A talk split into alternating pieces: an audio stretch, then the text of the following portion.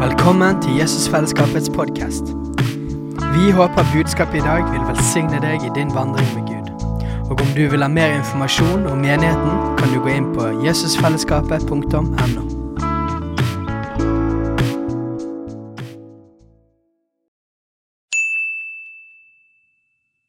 Hei! Visste du at Jesusfellesskapet starter en ny bibelskole til høsten? Den heter Jesusskolen og starter den 3. september. Gå inn på jesusskolen.no for mer informasjon. Eh, Vi har 40 dagers faste, så vi eh, så begynner i dag. Og eh, jeg skal snakke bitte litt om faste, men først og fremst så skal jeg snakke om ikke hva vi faster fra, men hva vi faster til. Og det er det som gjør meg så fryktelig glad. Eh, fordi at eh, nå er det klart Man skal jo si hele sannheten. Noen ganger så er det tøft å faste. Noen ganger er det det. Eh, jeg er ikke noe sånn her eh, jeg, ikke- jeg har ikke fastet fryktelig mye sånne lange perioder. Um, men jeg har fastet veldig mye sånne endagsfaster. Og jeg må si det sånn altså, at det nesten alltid så er det bare helt fantastisk. Eh, og Så jeg, jeg kjenner jeg er så begeistret for å faste i dag.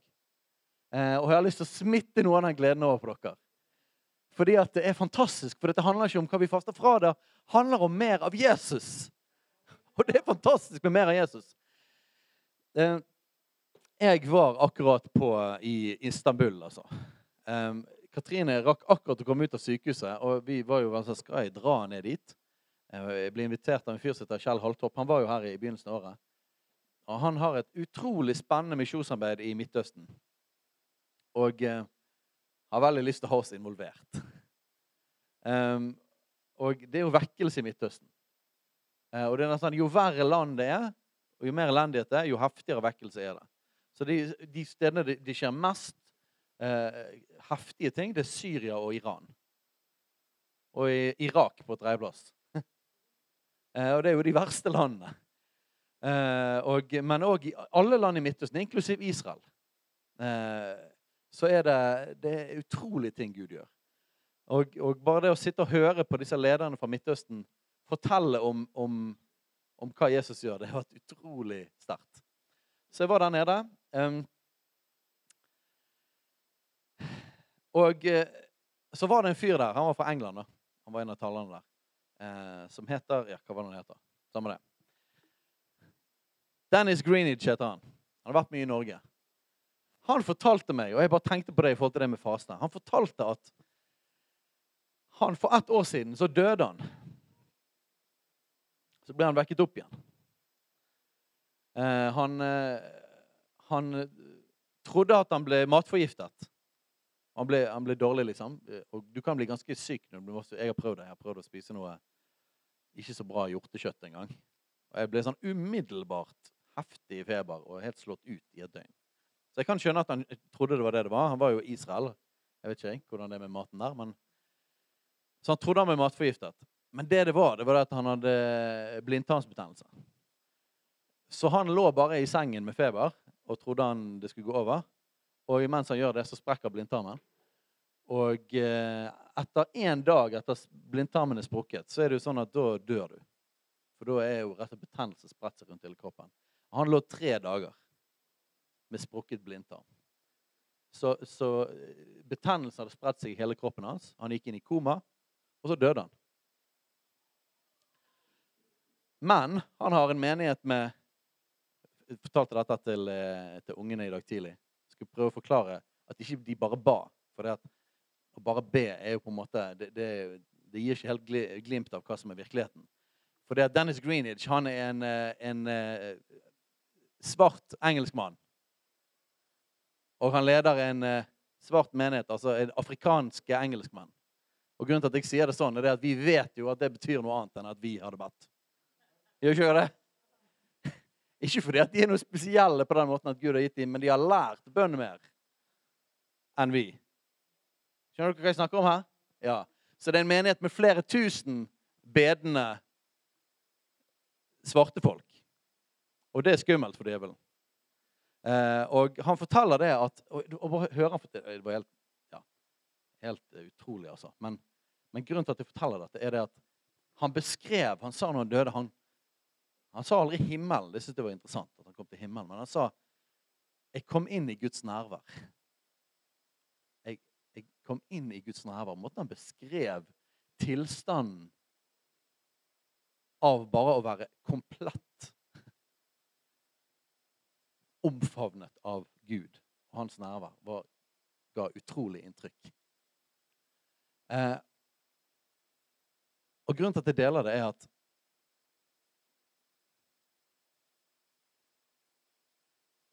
Det finnes ingen lidelse eller ingen eh, Ikke noe offer. Det finnes ingenting som koster noe, som kan veie opp for hans nærvær. Eh, ikke engang døden, fortalte han. Ikke engang sykdom. Han sa det at det var verdt å være dødssyk òg i tre dager for å smake herligheten. Eh, faste handler ikke om å pine seg sjøl. Det handler om at vi i hverdagen vår ikke alltid skjønner hvor bra det er å være hos Han.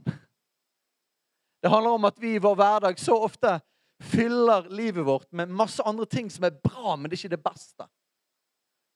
Fasting er en hjelp til å legge til side gode ting for å smake mer på det beste.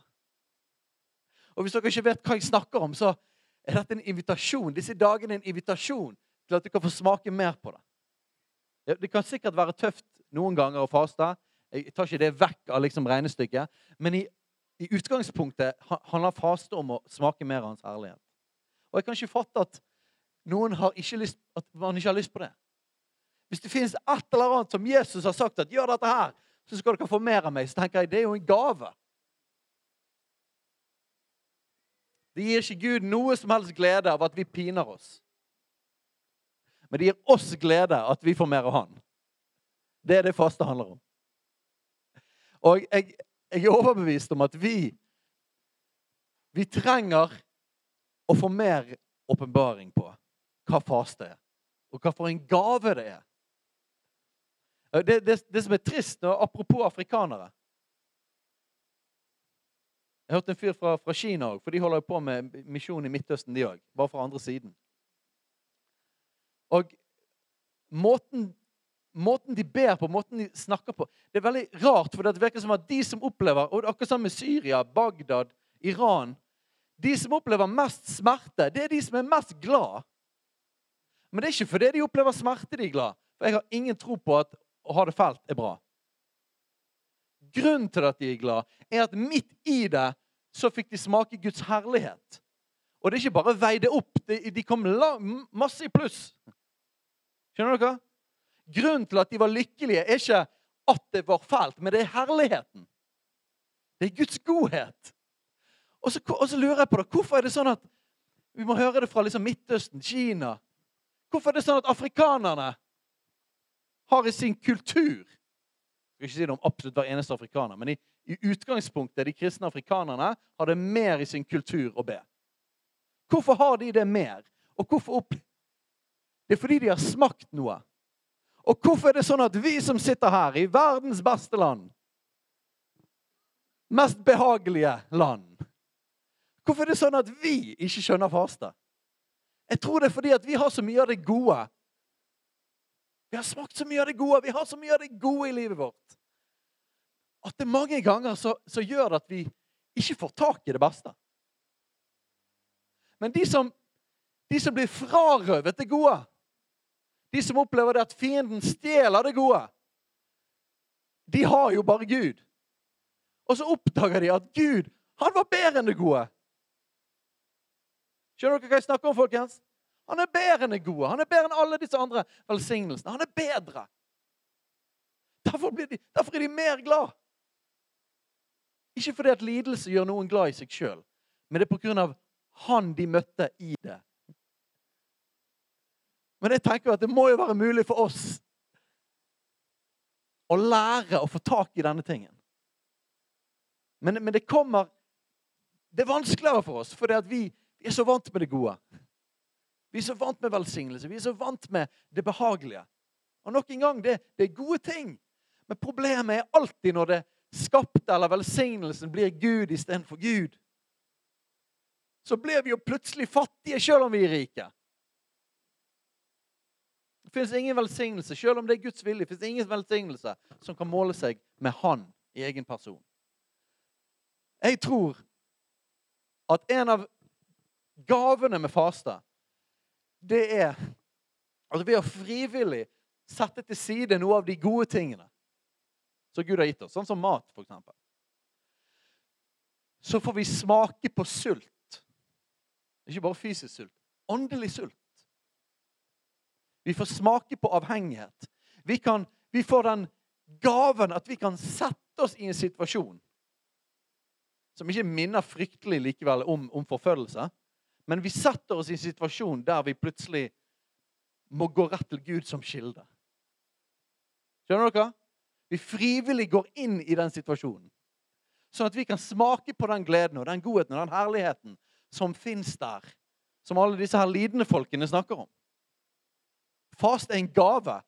Og skal være helt ærlig, jeg har mer lyst til å lære å få tak i den herligheten og fortsatt ha det bra, fordi at jeg har lært å søke og lært å faste, f.eks., enn jeg har lyst til å oppleve lidelse. Ser dere det poenget? Om lidelse kommer, så er Gud god og trofast i det. Men jeg har ikke noe behov for å ha lidelse for at jeg skal møte Gud. Det er bare at folk er sånn, ah, Hvorfor er det sånn at alle disse som har levd et så tøft liv og vært kriminelle, og narkomane, og så møter de Gud så kraftig, og så lever de så sterkt med Gud? Hvorfor liksom Jeg kunne, jeg har til og med hørt folk som har vokst opp i en kristen familie, sier at jeg kunne nesten ønske jeg hadde vært narkoman og ble frelst. Ja, men det er jo samme greien. Det handler om at de har ødelagt livet sitt så forferdelig, opplevd så mye elendighet, at midt inni der, når de finner Gud, så blir kontrasten blir så stor. Og, og, da, og, så, og så, er det, ingen, ingenting som hindrer. Ingen av disse andre gode tingene hindrer de å komme rett til Gud. Det er ingenting igjen. Det er bare han eller død. Og så når de da får tak i han, så bare snur det opp ned på hele livet. Men min påstand er det er mulig å få tak i det uten å bli narkoman. Det er mulig å få tak i det uten å være i krigen i Syria. Jeg sier ikke det at man må, må faste heller for å få tak i det. Gud er en god far. Det er alltid tilgjengelig. Men jeg sier det at faste er en hjelp. Det er et redskap. Det er en Guds gave til oss. At når vi ofte det blir vanskelig for oss å koble med Han, så hjelper han oss med at vi frivillig kan sette ting til side, så vi kan smake mer av Han. Jeg lover det, folkens. Han er mye bedre enn mat. Og jeg liker mat veldig godt. Og Det er litt sånn vanskelig å snakke om faste og sitt eget liv. Fordi at, fordi at Jesus sa det at eh, når dere faster, så skal dere ikke liksom gå rundt og se elendige ut. Dere skal vaske fjeset og sånne ting. Så, og det blir jo at vi blir litt nervøse for å snakke om det. fordi at fordi at Hvis vi snakker om det for å få ære mennesker, så har vi mistet vår lønn. hele greiene, sant? Men, men, det gjør jo at vi, det blir nesten vi blir for forsiktige å snakke om det òg. For av praktiske grunner kan det være greit å snakke om det. Rett og slett for at vi skal lære. Men realiteten for meg er i dag, for eksempel, ok, Jeg skal faste i tre dager nå. Det er veldig merkelig, for jeg pleier jo å spise frokost ganske seint. Så effekten av at jeg eh, står over et måltid, skulle jo ikke komme før utpå dagen. At liksom, Skjønner du hva jeg mener? Jeg sa, nå har jeg, nå jeg ofret noe. Men saken er at når jeg sto opp i dag tidlig og jeg bare, i dag skal jeg faste, så var det, var det en økt nærvær av Gud. Jeg forstår det ikke engang, men jeg opplever det omtrent hver eneste gang. En økt følsomhet for Den hellige ånd. En økt glede. Jeg er så glad i dag. Og nok en gang Jo da, det kan være tøffe dager, bla, bla, bla. Men jeg vet at dette er en effekt av faste. Jeg vet at det er, det er ikke en effekt av faste, egentlig, det er en effekt av Jesus. En effekt av Den hellige ånd. Men det er, en, det er en, en, fantastisk velsignelse av å få lov til å legge til side noe for å ha mer av Han. Jeg, har prøvd å faste og gjøre administrativt arbeid. Det blir jeg ikke så glad av. Men å faste og lese Guds ord og be og søke Han, er helt fantastisk. Og alt dette her sier jeg bare for jeg har lyst til å pirre, vekke et eller annet opp inni deg.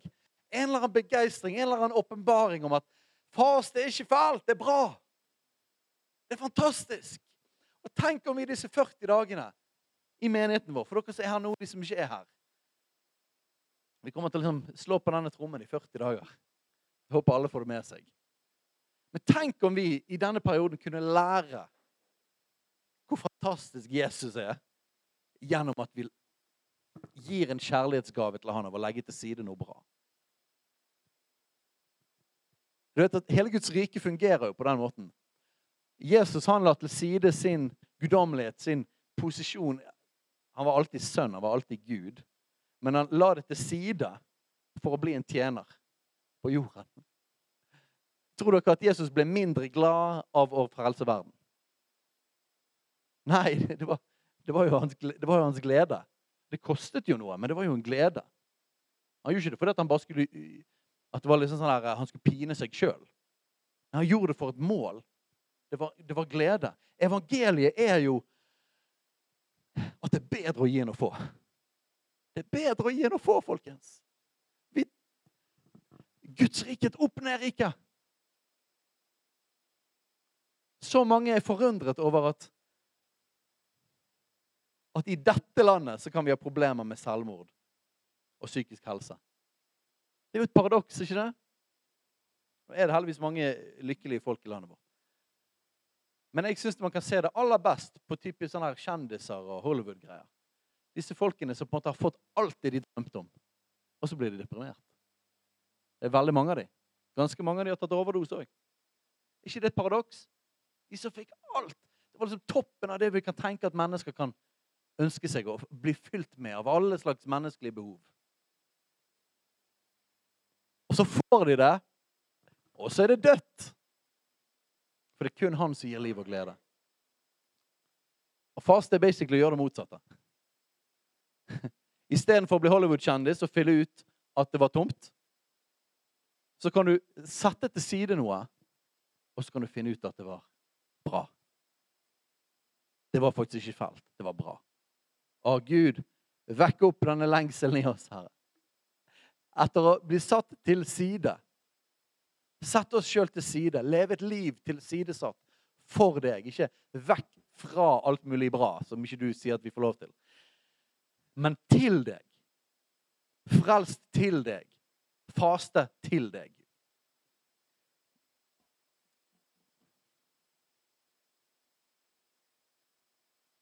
Vi har lyst til å bruke disse 40 dagene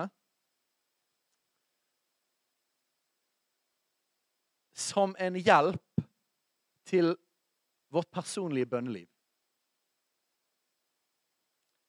Fordi det handler om å fase til noe, ikke bare fra noe. Heller ikke bare for noe. Det er bra i forhold til det, for Jesus snakker om dette her med han fyren som ikke disiplene kunne helbrede, og så spør de hvorfor. Og så sier han på grunn av deres vantros skyld, og så sier han dette slag drives ikke uten ved bønn og faste. Så det finnes en, I faste så er det en nøkkel til større gjennombrudd av Guds kraft. At ting som, ting som har vært bundet, ting som vi ikke har sett rikke, kan vi se et gjennombrudd i forhold til. Det fins i fasten, men det skal ikke være hovedgreien i denne fasen. disse 40 dagene. Hovedgreien skal være det at vi skal faste til noe.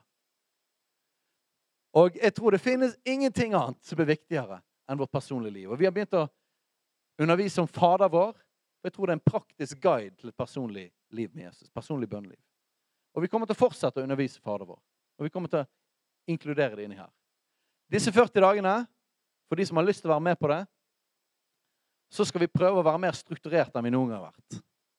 Halleluja! Og du skal få lov til å være ustrukturert resten av livet ditt.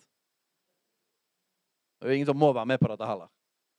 Men, men vi, vi skal teste effekten av å gjøre det samme hver dag. OK? Høres det skummelt ut? Du vet at Det er massevis av folk jeg og Sverre Skilbreid med og snakket om det. Det er massevis av folk i vårt samfunn som forlater på en måte karismatiske menigheter, frimenigheter og søker til disse gamle kirkesamfunnene. Fordi at de, de, de, føler at det mangler substans eller det mangler stabilitet. Det mangler det er et eller annet som, som de savner. Og jeg tror de har rett. Jeg tror de har rett i noe. Jeg tror ikke løsningen er å bli katolikk. Men jeg tror det er rett at vi trenger å lære den siden av livet med Gud. Og jeg tenker det at hvis du prøver noe i 40 dager, Hvis det var helt forferdelig, så er det jo bare å aldri gjøre det igjen. Det er jo ikke verre. Men tenk om man faktisk Tenk om det faktisk skjer noe enorm forskjell i livet ditt. Du Vet at Noe man gjør 40 dager, det har en tendens til å kunne bli en vane. Og vi har ikke noe problem med å tegne utenfor linjene. Sant? Om vi kjenner Den hellige ånd leder oss til ditten eller datten. Vi, spontaniteten er ikke en utfordring for oss. Det ligger i kulturen vår. Det ligger i altså både den norske kulturen, og det ligger i, i, i vår menighetskultur. Vi er ikke redd for det. Hvis Den hellige ånd leder til noe, så går vi den veien. Om vi har lyst til å holde på i 45 minutter istedenfor 30 minutter, så gjør vi det. Om vi har lyst til å holde på i 21 minutter, så gjør vi det. Jeg tror ikke det er noen som kommer til å sitte og være redd for det. At Guds dom er over livet ditt. fordi at du, du sant? Skjønner du? Men det tror vi ikke har prøvd, det er det motsatte. Å faktisk gjøre det samme i 40 dager. Det tror ikke noen av oss har prøvd. Iallfall ikke mange. Så vi har lagd en bønnemanual. Vegard har lagd den her. Den er veldig fin. Og jeg inviterer dere til å være med på. Og hver dag ta ca. en halvtime. Det skal gå fint an å gå gjennom denne på en halvtime. Og gjøre tre ting. Nummer én personlig bønneliv. Det er nummer én. Kan lese hva det står her. Og da skal vi bruke Fader vår. For vi har begynt å undervise om det, og vi kommer til å fortsette å undervise det om det i denne perioden. Bruke Fader vår som en guide. Du kan be utenom Fader vår resten av livet ditt hvis du har lyst, men prøv dette. Og nok en gang jeg måtte bli overbevist sjøl av, av, Gud på dette. her. Men det som overbeviste meg til slutt, det var rett og slett det at Jesus sa at vi skulle gjøre det. Jeg kommer liksom bare ikke unna det. Han sa 'Hvordan skal vi be?' Be sånn. Og mitt svar vært nei, det gidder ikke. Det hørtes veldig kjedelig ut. Så jeg kan for en gangs skyld i mitt liv skal jeg prøve å si OK, da. La meg teste ut. Og når vi først gjør noe, så må vi gjøre det ordentlig. Så jeg har testet det, og jeg gjør det hver dag nå. Jeg gjør det hver dag, På alle mulige slags varianter og måter. Men, men jeg, jeg, jeg, gjør det hver dag for at jeg har lyst til det skal bli en del av min liv og min livsstil og min måte å, å forholde meg til Han på. Og, og, allerede, Jeg har alltid hatt dette med å gå til Gud som far. Det, det har vært en verdi i mange mange år for meg. Men oi, det er blitt mye sterkere. Jeg vet ikke om jeg nesten klarer å be lenger i noen slags sammenheng uten å begynne i at han elsker meg. Og jeg tror det er veldig smart. Jeg kan bare ikke fatte og begripe at det skal være feil. Så test det i 40 dager. Personlig bønneliv. Jeg kan lese dette. Fokuser på ditt personlige bønneliv. Bønner, dialog og intimitet med Gud, og en plass der vår relasjon med Han kan vokse seg sterkere og dypere.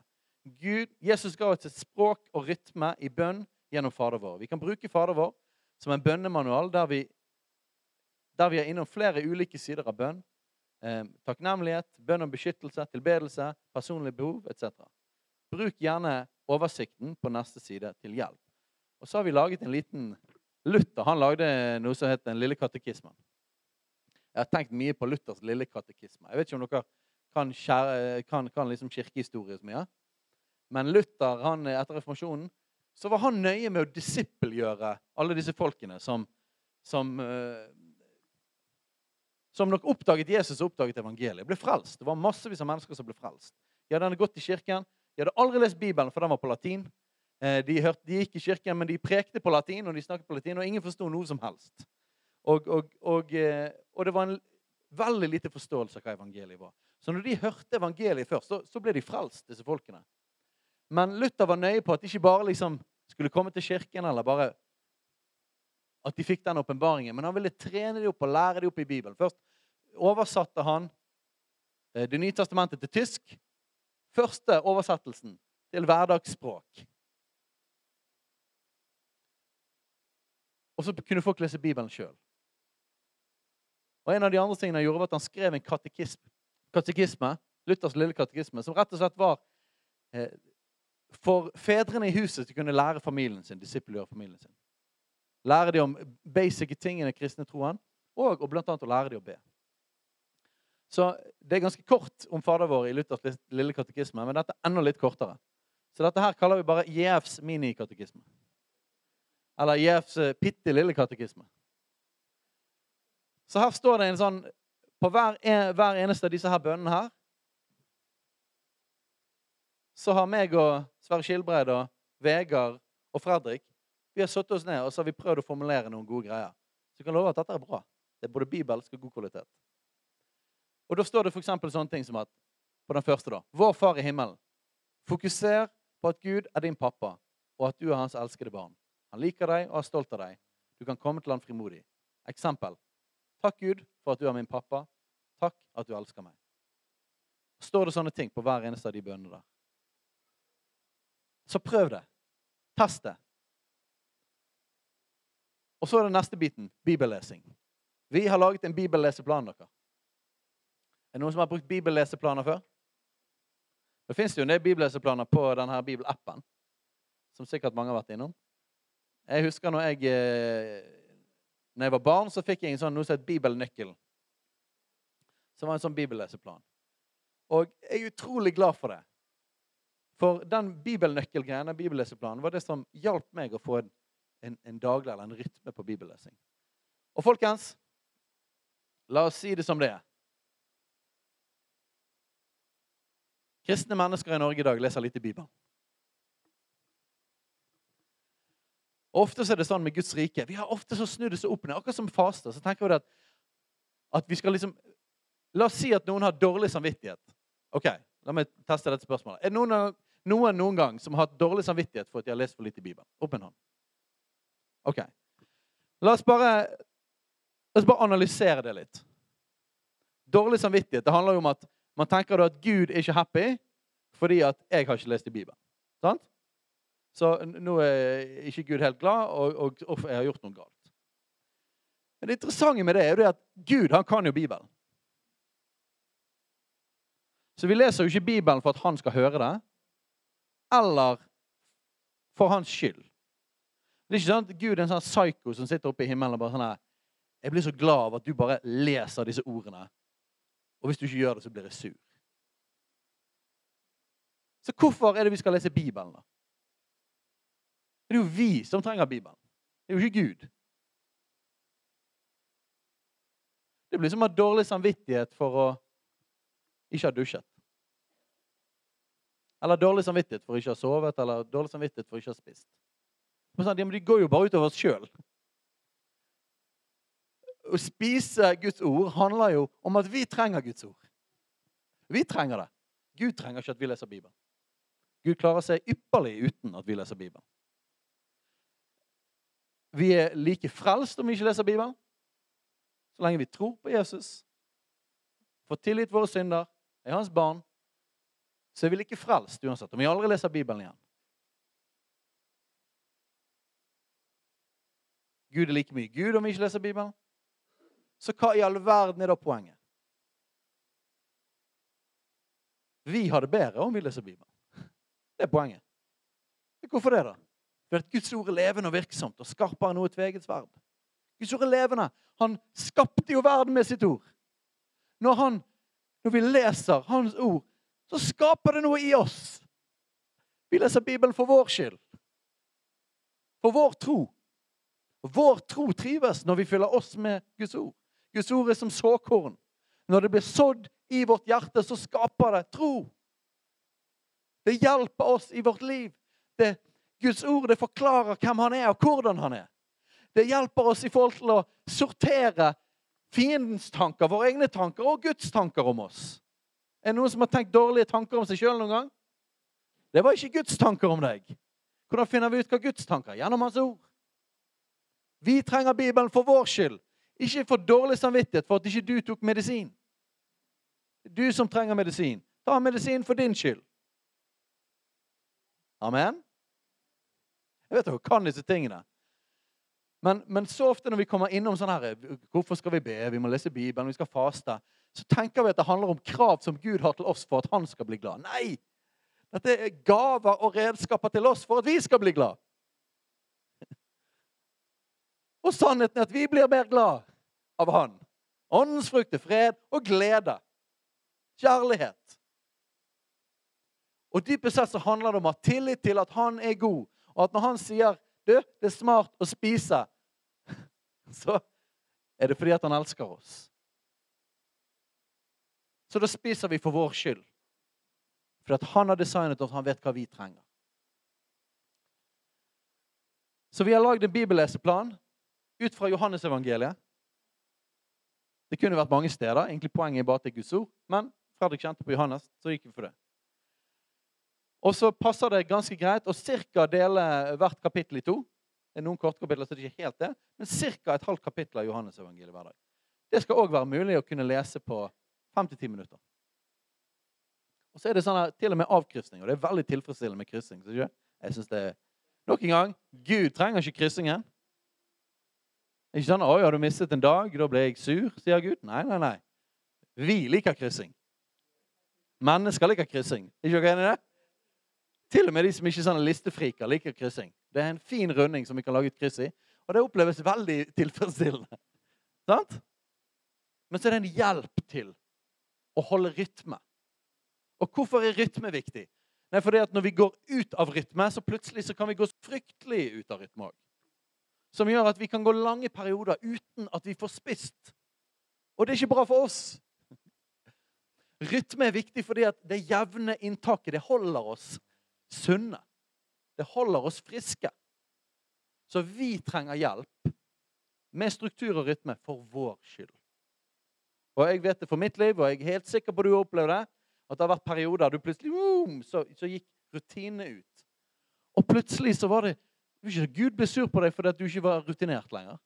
Nei, du sådde mindre Guds ord inn i deg sjøl. Du var mindre sammen med Han. Og åndens frukt er fred og glede. Og så blir det mindre av det. Blir ikke det? Jeg har opplevd det. Det går utover meg at jeg ikke lever nær Han. Dette er en hjelp til å leve nær Han. Og vi trenger å få opp bibellesing. Bibellesing er Å, kjære Gud, altså! At er en sånn Vi blir usunne. Vi blir syke, sjelelig talt, og vi ikke så Guds ord inn i vårt liv.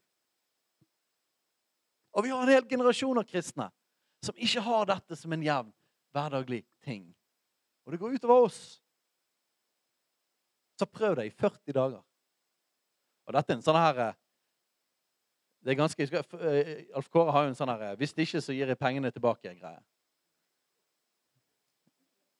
Jeg husker en gang du sa hvis du ikke første blir, kommer hit blir helbredet, så skal jeg kjøpe deg en is. Var ikke det? Du sa noe sånt som det på Torgallmenningen.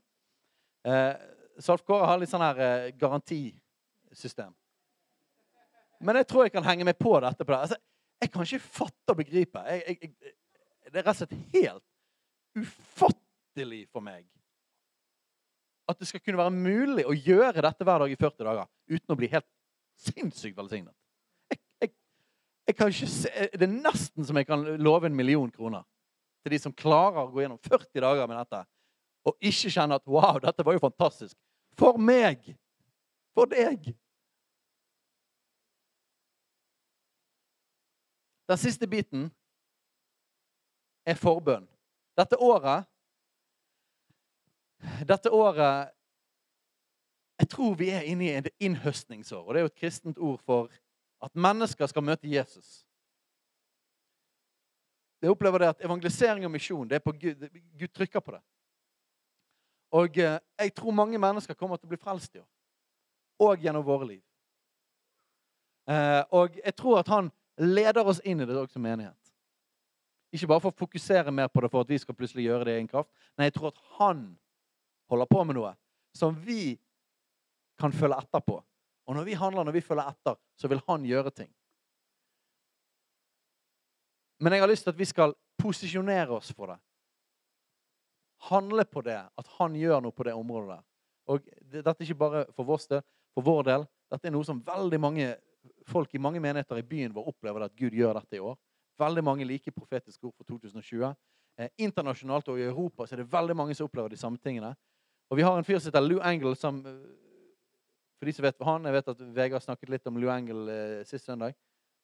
Og de har altså en 40 dagers Jesusfaste. The Jesus Fast som vi hadde tenkt å gjøre anyway, men så hadde de det òg. Så da skjønte vi at å, ja, det er ikke bare vi som har det. Dette er jo en internasjonal greie som egentlig henger oss på.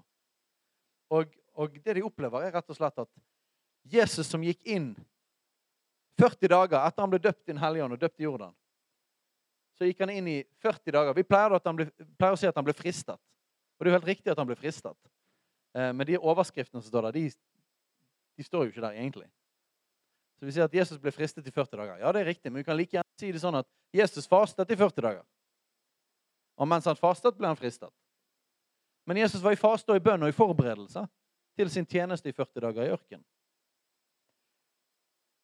Og det som er så fantastisk, er at når Jesus kom ut av de 40 dagene Kan jeg lese det? Det er Lukas 4, 14. I åndens kraft vendte Jesus tilbake til Galilea. Og ryktet om han kom ut over hele landet der omkring. Jesus kom ut av ørkenen, så var ikke han en sånn eh, sleten, deprimert fyr. Jesus hadde mer når han kom ut, enn når han gikk inn. Ser dere det? Det er frukten av faste. Mer herlighet. Mer gjennombrudd. Mer seier. Og så kommer han ut. Og det første han gjør, er at han går inn i synagogen, så finner han profeten Jesaja og sier han, 'Herrens ånd er over meg, for han har salvet meg til å forkynne evangeliet for fattige.' 'Og han har sendt meg for å forkynne for fanger at de skal få frihet,' 'og for blinde at de skal få syn,' 'for å sette undertrykte fri,' 'og forkynne et nådens år for Herren.' 40 dagers faste for Jesus var en forberedelse til hans tjeneste. Og når han kom ut derfra, så sa han står i Markus evangeliet, Matteus evangeliet, så det at han sier Omvend dere, for himlenes rike er kommet nær. Og så helbredet han de syke og kastet ut onde ånder. Og så kom det mengder av mennesker og fulgte han. Så hele den Jesus Fast-greien har som hovedfokus av 40 dager med bønn og faste for en mektig utøvelse av Den hellige ånd til tegn og under og mennesker frelst. På hele jorden, og spesielt Europa. Så jeg tenker at det passer jo godt med det vi opplever at vi også skal gå inn i seinere. Og etter denne tiden. Så den siste biten Først er det altså personlig bønneliv, Fader vår. Inn i det. Så er det bibellesing. Den siste er et bønn om et gjennombrudd på mennesker frelst i byen vår. Og Vi anbefaler alle, Det er tre fine, store linjer her. Spør gjerne Den hellige ånd om tre personer som du skal be spesielt for. Hvis det blir for lite, så er det masse plass til å dundre på drøssevis av navn. Jeg vet ofte det kan være vanskelig å velge ut noen. Men det er jo ikke snakk om at du skal velge det ut til frelse eller fortapelse. Det er bare snakk om hvem du skal be for akkurat nå disse 40 dagene. Og gjerne spørre Den hellige ånd om er det noen som akkurat nå er spesielt klar, eller som allerede du kaller på. Så vi kan se et gjennombrudd i livet til disse 40 dagene. Vet du hva? Tenk om vi ber for dem i 40 dager om at de møter Gud i løpet av de 40 dagene. Er ikke det fint? Og Jeg kan lese det her. Er vårt evangelium likevel skjult, da er det for dem som går fortapt, er skjult. For denne verdens Gud har forblindet de vantro sinn, så de ikke ser lyset fra evangeliet om Kristi herlighet, Han som er Guds bilde. Så det betyr at grunnen til at folk ikke er frelst, er at de ikke har sett evangeliet. Det er, blitt, det er skjult for dem. De er blitt forblindet. Og det står at denne verdens Gud har forblindet i vantro sin, så de ikke kan se. Og det er et åndelig problem. Så det trengs en åpning av de åndelige øynene for folk. Og bønn og faste er et sånt redskap der vi kan se en åpning av de åndelige øynene. Så vil jeg lese den her. Brødre, det er mitt hjertets ønske og min bønn til Gud for dem at de må bli frelst. Da har Paulus sitt hjerte for sine landsmenn, jødene, at de skulle bli frelst. Men det står at han hadde, han hadde ikke bare hjerte for det, men det var hans bønn. Han ba for dem at de skulle bli frelst. Så dette er en mulighet til i 40 dager å rette spesifikk bønn inn mot kanskje tre stykker. Og se at deres åndelige øyne blir åpnet opp. Folkens, dette slag drives ikke ut uten ved bønn og faste. Akkurat i det tilfellet så gjaldt det en fyr som var, var, syk, hadde en eh, mental sykdom som var forårsaket av en ond ånd. Det var i det tilfellet. Men jeg vil påstå at det finnes jo ingenting som fienden vil hindre mer enn at folk blir født på ny. Er dere enig i det? Det gir jo mening. Det finnes absolutt alle andre ting som av, av, av, av velsignelse som mennesker kan oppleve, av, av Guds godhet. Alle de tingene vil jo være midlertidige hvis de ikke er Guds barn. Det finnes jo ingen viktigere ting for hvert eneste menneske enn at de ser lyset som stråler fra evangeliet, så de kan bli født på ny. Og hvis det er noe slag som ikke drives ut med bønn og faste, så tror jeg at dette er en av de store slagene. De som forblinder de vantros sinn. Vi trenger et gjennombrudd på at det blir brutt. Den demoniske greien der blir brutt. Jeg har forkynt evangeliet mye her i byen. Og jeg husker når jeg har stått ute og forsynte evangeliet type i, med den blå steinen på Torgallmenningen. Så har jeg undret meg sånn. Ikke vært motløs over det. Vi vet hva, hva liksom åndelig atmosfære vi forkynner inn i. Men jeg har bare undret meg og observert og tenkt at tenk at jeg kan forkynne her de beste nyhetene som fins. Og så kan 98 eller mer prosent bare gå forbi totalt uberørt. Det er en åndelig forbindelse. Er ikke det? Det, det er åndelig. Det er ikke naturlig. Det handler ikke om at nei, det var, det var for dårlig kommunisert. Nei, det er ikke det som er greien. Det, det treffer et eller annet som gjør at det ikke går inn. Jeg tror at Å forsyne evangeliet har alltid, de har alltid frukt. Du sår ut. Det skjer noe i åndeverden. Det, det sår inn i menneskers liv. Men denne den denne muren der Jeg tror at den ikke kan tas ned uten, uten bønn og faste. Og tenk, når jeg snakket mest av alt, at vi faster til mer av Han. Men dette, dette er den ene biten som ikke bare handler om oss, men det handler om noen andre. For evangeliet er jo sånn. Det kan ikke bare være oss. Tenk om at Tenk hvis Gud har gitt et redskap og sagt at hvis du gjør det, så kan du se gjennombrudd der du ikke har sett gjennombrudd før. Og så kan ha effekt for et menneske sin evighet. Da syns jeg det er kanskje en god idé å prøve det. Jeg vil ikke være en som hindrer. Jeg kan ikke redde alle. Jeg kan ikke frelse alle. Jeg kan ikke gjøre alt for alle. Men jeg kan spørre Den hellige ånd om tre personer og be for i 40 dager. Det kan jeg. Og jeg kan faste for å se et gjennombrudd i deres liv, og at deres åndelige øyne blir åpnet. Helt praktisk. Alle skal selvfølgelig få en sånn en. Um, og for de som ikke er i dag, folk kan selvfølgelig henge seg på gjennom disse 40 dagene.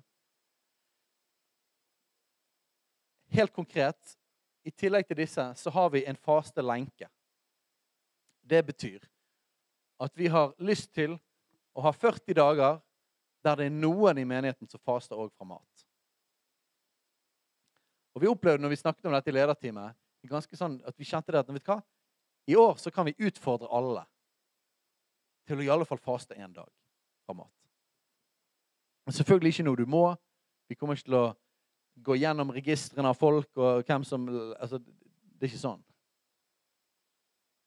Men en generell utfordring til hver eneste en. Du kan faste én dag på mat. Hvis det er noen ekstreme omstendigheter som gjør at du ikke bør gjøre det, enten det skulle være spiseforstyrrelser eller andre ting, så vet du at det ikke er smart for deg. Men i utgangspunktet alle kan faste én dag for mat. Dette er en genial anledning å prøve det. Jesus sa 'når dere faster' når dere faster. Så dette regner altså Jesus med er en del av livet til en disippel. Og det er en del av disippellivet som er blitt veldig Det er veldig lite av det i norsk kristenhet, ikke det? Alle vet hva fastelavnsboller er.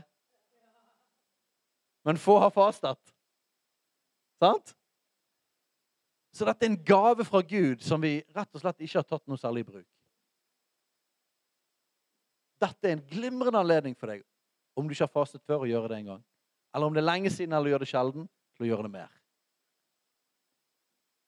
Så vi utfordrer alle i dag til å rett og slett velge ut en dag og henge deg på denne fastelenken. Og helt til slutt På generell basis så vil jeg utfordre alle til å bruke disse 40 dagene både til å søke Han mer, få en rutine i sin bønn og bibellesing, men òg å sette gjerne noe annet til side. Spør Den hellige ånd om det er et eller annet han ønsker at du skal sette til side for å søke han mer. Og veldig ofte så kan han snakke om sånne ting som vi kanskje er litt vel glad i. Litt mer glad i enn det er vårt eget beste. Sånn som koffeinholdige drikker, kalde og varme, f.eks. Og det kan være en utrolig velsignelse å få hjelp til å bli fri fra sånne ting. Avhengigheter. Men det kan òg være andre ting som Den hellige ånd peker på. Så jeg oppfordrer alle spør Den hellige ånd om det er et eller annet. Og den aller, aller siste tingen Jeg kommer til å faste fra inntrykk. Sosiale medier kommer jeg kun til å skrive ting ut på. Jeg kommer ikke til å ta noe inn. Det funker for meg, for jeg er ikke så glad i sosiale medier. Så jeg bruker det til en plattform å forkynne noe. Men jeg, men jeg har ikke noe behov for å egentlig lese noe annet. Hva andre sier. Så sånn er det. Men jeg veldig, jeg leser fryktelig mye nyheter. Mer enn det er godt for meg noen ganger. Så jeg kommer til å ikke lese nyheter i 40 dager. Og når jeg gjorde det i fjor, i 21 dager, så var jeg sjokkert over virkningen av det i sinnet mitt. Jeg leste slett så mye nyheter at det preget meg tydeligvis. Og jeg opplevde en frihet i tankelivet mitt når jeg ikke leste nyheter. Så det kommer jeg til å holde meg unna. Eh, og en annen som er enda større, det er at jeg, jeg kommer til å holde meg unna type film, film og TV. Utenom Jesus-filmer og sånn. da. Jesus-filmer er lov. Men eh, jeg vil oppfordre alle sammen til det. Benytt anledningen. Spør Den hellige ånd. Og kanskje noen av de tingene der med inntrykk eller en eller annen type mat og sånne ting kan være en ting for deg å faste i 40 dager. Men viktigst av alt dette her. OK. Da Kristine, kunne du hjulpet meg å dele sånn ut? Kanskje vi kan reise oss opp? Og så kan vi bare be litt inn i disse tingene.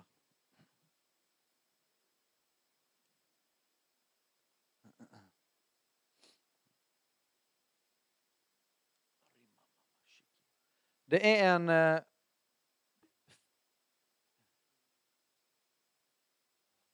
Ja. Listen ligger der bak, sant? Listen ligger der? Ja.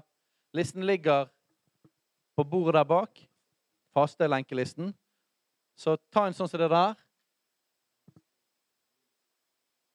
Du kan godt skrive deg anonymt på hvis du vil, ja. Men det, det er kult å vite at det er en person.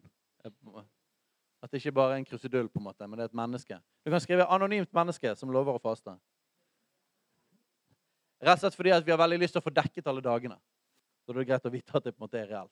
Men det er en liste der bak, så du kan skrive det på en eller flere dager. Eh, kan få bønnemanualene. Og så eh, oppfordrer deg, spør Den hellige ånd om det er noe annet. Og jeg minner dere igjen. Det handler om å faste til noe. Det handler ikke om å pine seg sjøl for at Gud skal bli glad. Men det er en mulighet i 40 dager å få mer av Jesus. Så far, vi takker for at du er så god. At du elsker oss så høyt. At du til og med har gitt oss redskaper, hjelperedskaper, for at vi skal kunne leve tettere deg. Erfare mer av din godhet og din kjærlighet. Og for at vi til og med kan se mer av ditt rike komme her på jorden. Og det er vår lengsel, Gud. Og jeg ber om at disse 40 dagene at du skal la din nåde være over oss. La din nåde være over oss her. For når, I ditt rike så er det sånn at du lokker og drar, og du kaller. Og så tar vi bare steget, men så kommer du med din nåde. Og så leder du oss, og så fører du oss, og så tar du oss med. Og vi får lov til å ta noen få skritt, men det er du som gjør hele greien. Og jeg ber om at denne fasetiden skal være sånn. Jeg ber om en nåde over hver eneste en i forhold til det personlige livet med deg, Jesus. Og det med rutine til å lese Bibelen, og til å be. Jeg ber at vi skal oppleve at når vi tar det ene lille steget, at du kommer med din ånd, at du tar tak i oss. Jeg ber om at disse 40 dagene skal bli en transformasjon for vårt liv personlig, og også for menigheten. La oss smake, Herre, din herlighet. La oss smake gleden av å sette noe til side for å av deg. I Jesu navn. Amen.